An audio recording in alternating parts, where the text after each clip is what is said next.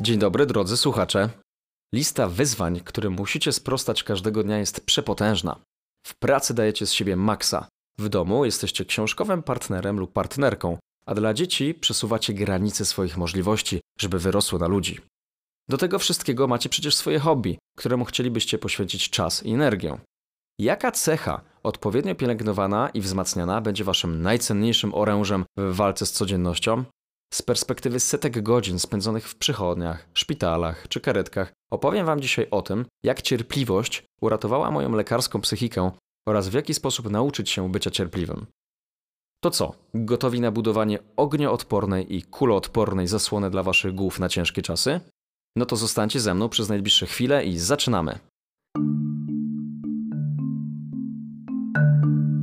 Cześć! Przy mikrofonie lekarz rodzinny Marek Łabno. Witajcie w podcaście Chore Problemy.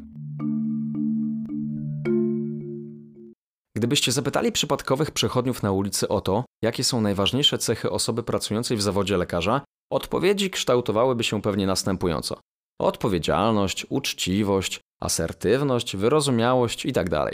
Z praktyki mogę Wam powiedzieć, że według mnie to jednak cierpliwość jest absolutną cechą z gatunku must have, aby wygrać w nierównej walce, np. z roszczeniowym pacjentem, jego rodziną, prokuratorem, czy niedosłyszącą panią, która przychodzi do Waszego gabinetu na koniec Waszej pracy, prosząc o powtarzanie każdego leku po trzy razy. Przez zwycięstwo rozumiem bowiem zachowanie przysłowiowego gruntu pod nogami i najzwyczajniej w świecie niezwariowanie. Wszystko fajnie, jeśli jesteście odpowiedzialni, uczciwi i wyrozumiali, ale co wam z tych cech, jeśli skończycie w więzieniu z powodu bójki z pacjentem albo na oddziale psychiatrycznym? Najfajniejszą kwestią związaną z cierpliwością jest jej, nazwijmy to motoryzacyjnym slangiem, podatność na tuning. Urodziliście się z różnych kart, wśród których są zarówno mierne dziesiątki, jak i kilka asów. Wasz introwertyzm lub ekstrawertyzm, szybkość myślenia i wnioskowania, łatwość uczenia się nowych rzeczy czy skłonność lub jej brak do bycia osobą ugodową macie już niejako wbudowane. Opieram się tutaj na pięcioczynnikowym modelu osobowości Paula Kosty i Roberta McCrae, który jest pomocny w wyodrębnieniu cech osobowości i zrozumienia różnicy pomiędzy nimi a cechami charakteru. Zgodnie z tym modelem osobowość to zbiór cech, które warunkują tożsamość i spójność zachowania konkretnego człowieka. Na jej ukształtowanie wpływają nasze geny oraz środowisko, w którym się wychowujemy. Osobowość i jej cechy są stałe i niezmienne.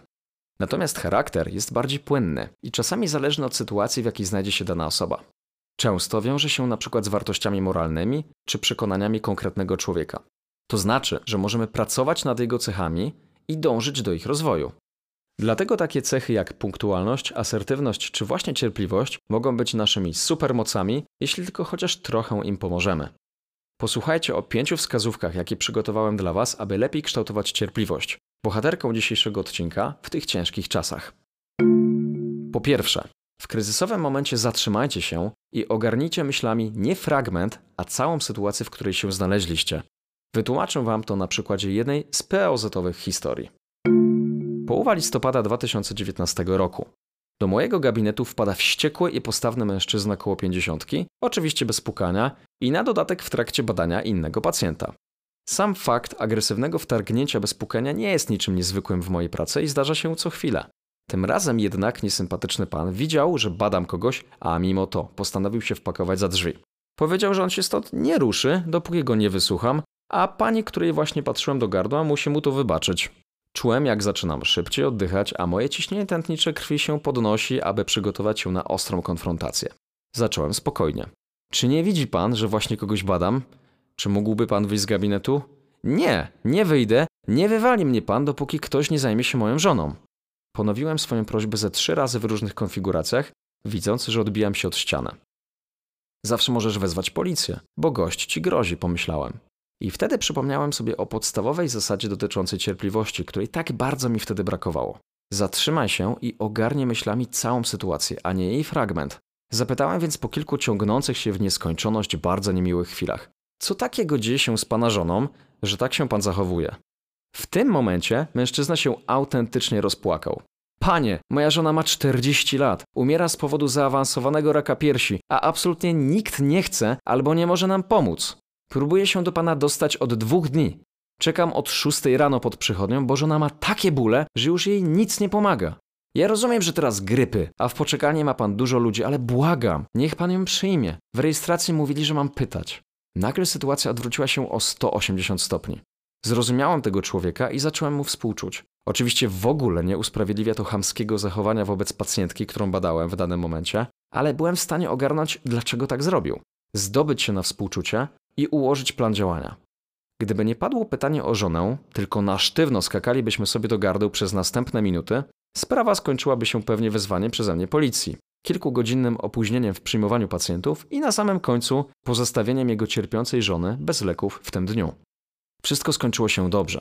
Kiedy jesteśmy otoczeni samymi wysokimi murami, nie zachowujemy się racjonalnie.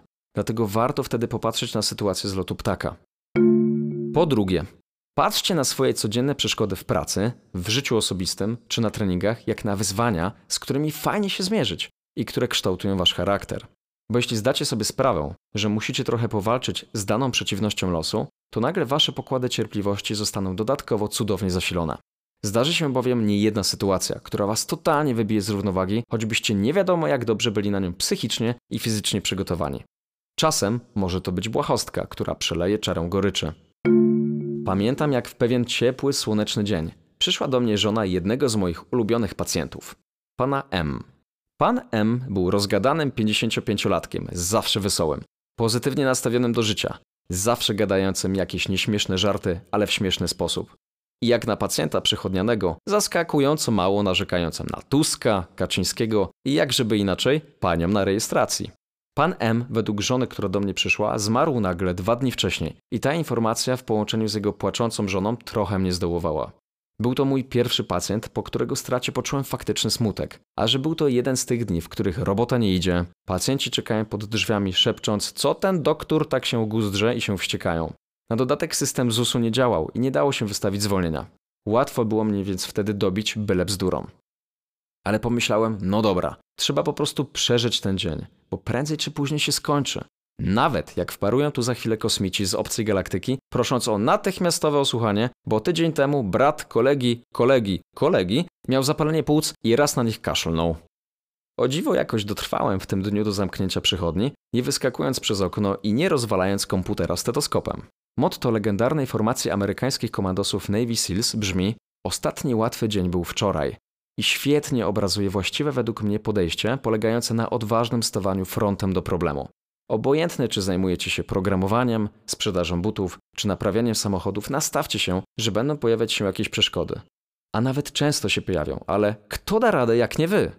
Nie będzie to absolutnie tożsame z pesymizmem, czarnowictwem i mentalnym samobiczowaniem się. Chłodne uświadomienie sobie, że w niejednym momencie będziecie mieć pod górkę, może sprawić, że weźmiecie głęboki oddech i zaczniecie planować, jak rozwiązać dany problem. Po trzecie, skoncentrujcie się tylko na tym, na co macie bezpośredni wpływ. Całkiem niedawno odbyłem ciekawą rozmowę z pewną osobą chorującą na szereg chorób autoimmunologicznych. Ich perfidia polega na tym, że wasze ciało produkuje przeciwciała uszkadzające wasze własne tkanki. Najbardziej znanym przykładem jest chociażby choroba Hashimoto, gdzie sami sobie uszkadzacie komórki tarczycy, czy cukrzyca typu pierwszego, gdzie wasze układy odpornościowe przestają się lubić z waszą trzustką. Dodatkowy problem związany z tymi schorzeniami polega na tym, że lubią chodzić parami, czyli jak macie już jedną, to istnieje duża szansa, że jakąś drugą dostaniecie w gratisie. Mój rozmówca podawał mi szereg różnych potencjalnie niezwiązanych ze sobą objawów już na pierwszej wizycie. Był już wcześniej konsultowany z rozmaitymi profesorami, autorytetami w swojej dziedzinie, a mimo to postanowił jeszcze raz tym wszystkim przyjść do mnie. Nie skończyłem czytać pierwszej z bodaj dziesięciu ostatnich kart wypisowych z jego hospitalizacji, a cały czas w tle słyszałem wymieniane przez niego nowe dolegliwości. Po 15 minutach, czyli standardowym czasie przeznaczonym na wizytę, zdałem sobie sprawę, że nie zacząłem go nawet badać, a on wciąż rozkręca się ze swoimi dolegliwościami. Był to niewątpliwie bardzo schorowany człowiek, którego było mi żal i chciałem mu pomóc, jednak zacząłem tracić cierpliwość. Jakiś wewnętrzny głos przypomniał mi: skup się w tym momencie na tym, na co masz bezpośredni wpływ, czyli bieżąca wizyta i najpilniejsze problemy pacjenta w danej chwili. Nie jestem przecież w stanie wyleczyć go ze wszystkich chorób w 15 minut. Zwłaszcza, że nie ja pierwszy próbowałem.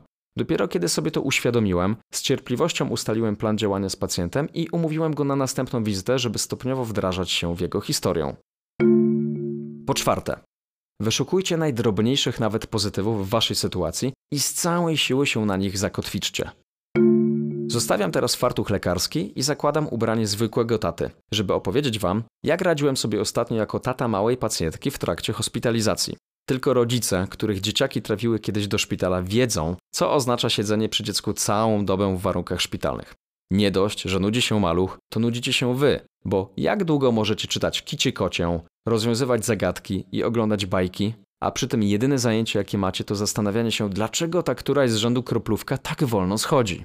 Te urocze aktywności są przerywane jedynie wrzaskami i histeriami waszego skarba, któremu trzeba właśnie pobrać krew lub inny materiał do badań. No nie oszukujmy się. Jest to umiarkowanie porywające przeżycie, nawet jeśli szpital bardzo dba o pediatrycznych pacjentów. Zastanawiałem się nad znalezieniem pozytywu, którego się uczepię, jak rzep psiego ogona. Znalazłem go w szpitalnym bufecie. Codziennie koło południa zostawiałem moją dzielną córę na kwadrans pod opieką koleżanki lekarki i szedłem napić się porządnej, męskiej kawy latte macchiato z dużą ilością spienionego mleczka. Był to wspaniały moment dnia, który dodawał mi energii do tego, by wrócić do sali i razem z moją małą czytać książeczki na 10 różnych sposobów. Niech to będzie najmniejsza bzdura, która sprawia wam radość i na którą będziecie czekać. O, po pracy spotkam się ze swoją koleżanką. Dobra, jeszcze tylko 5 godzin i ogień. Dobrze, że mam naładowany telefon. Ostatnio jak zdarzyło się to i to, nie miałam jak zadzwonić, więc teraz jestem ciut lepiej przygotowana. Zbliżamy się do ostatniego punktu. Last but not least. Po piąte, regularnie podejmujcie aktywność, która poprawia stan waszego ciała i umysłu. Kiedyś nagrałem odcinek o sportach walki. Zapraszam Was serdecznie do jego odsłuchania. Opowiadam tam, że jest to mój osobisty sposób na reset głowy i pozostawianie wszystkich problemów obok. Ale tak naprawdę każdy sport, każda aktywność fizyczna doda Wam cierpliwości, ponieważ zaangażuje Wasze ciało, a odciąży mózg od nadmiaru myśli. Przyzwyczajcie Wasze ciało do częstych spacerów, częstej jazdy na rowerze lub częstego biegania. Ba, róbcie to zawsze wtedy, kiedy brakuje Wam cierpliwości. Wyjście nawet w środku dnia z biura, by ułożyć myśli na nowo i przy okazji dać odpocząć swojemu kręgosłupowi, wcale nie musi trwać dłużej niż 15 minut. A uwierzcie, ten kwadrans może sprawić, że po powrocie do swojej pracy będziecie onieśmielać swoje otoczenie siłą spokoju, niczym wyznawcę buddyzmu tybetańskiego. Dzięki za wspólną podróż do świata cierpliwości. Życzę Wam i sobie, by jej pokłady tak łatwo się nam nie skończyły. Trzymajcie się. Hej!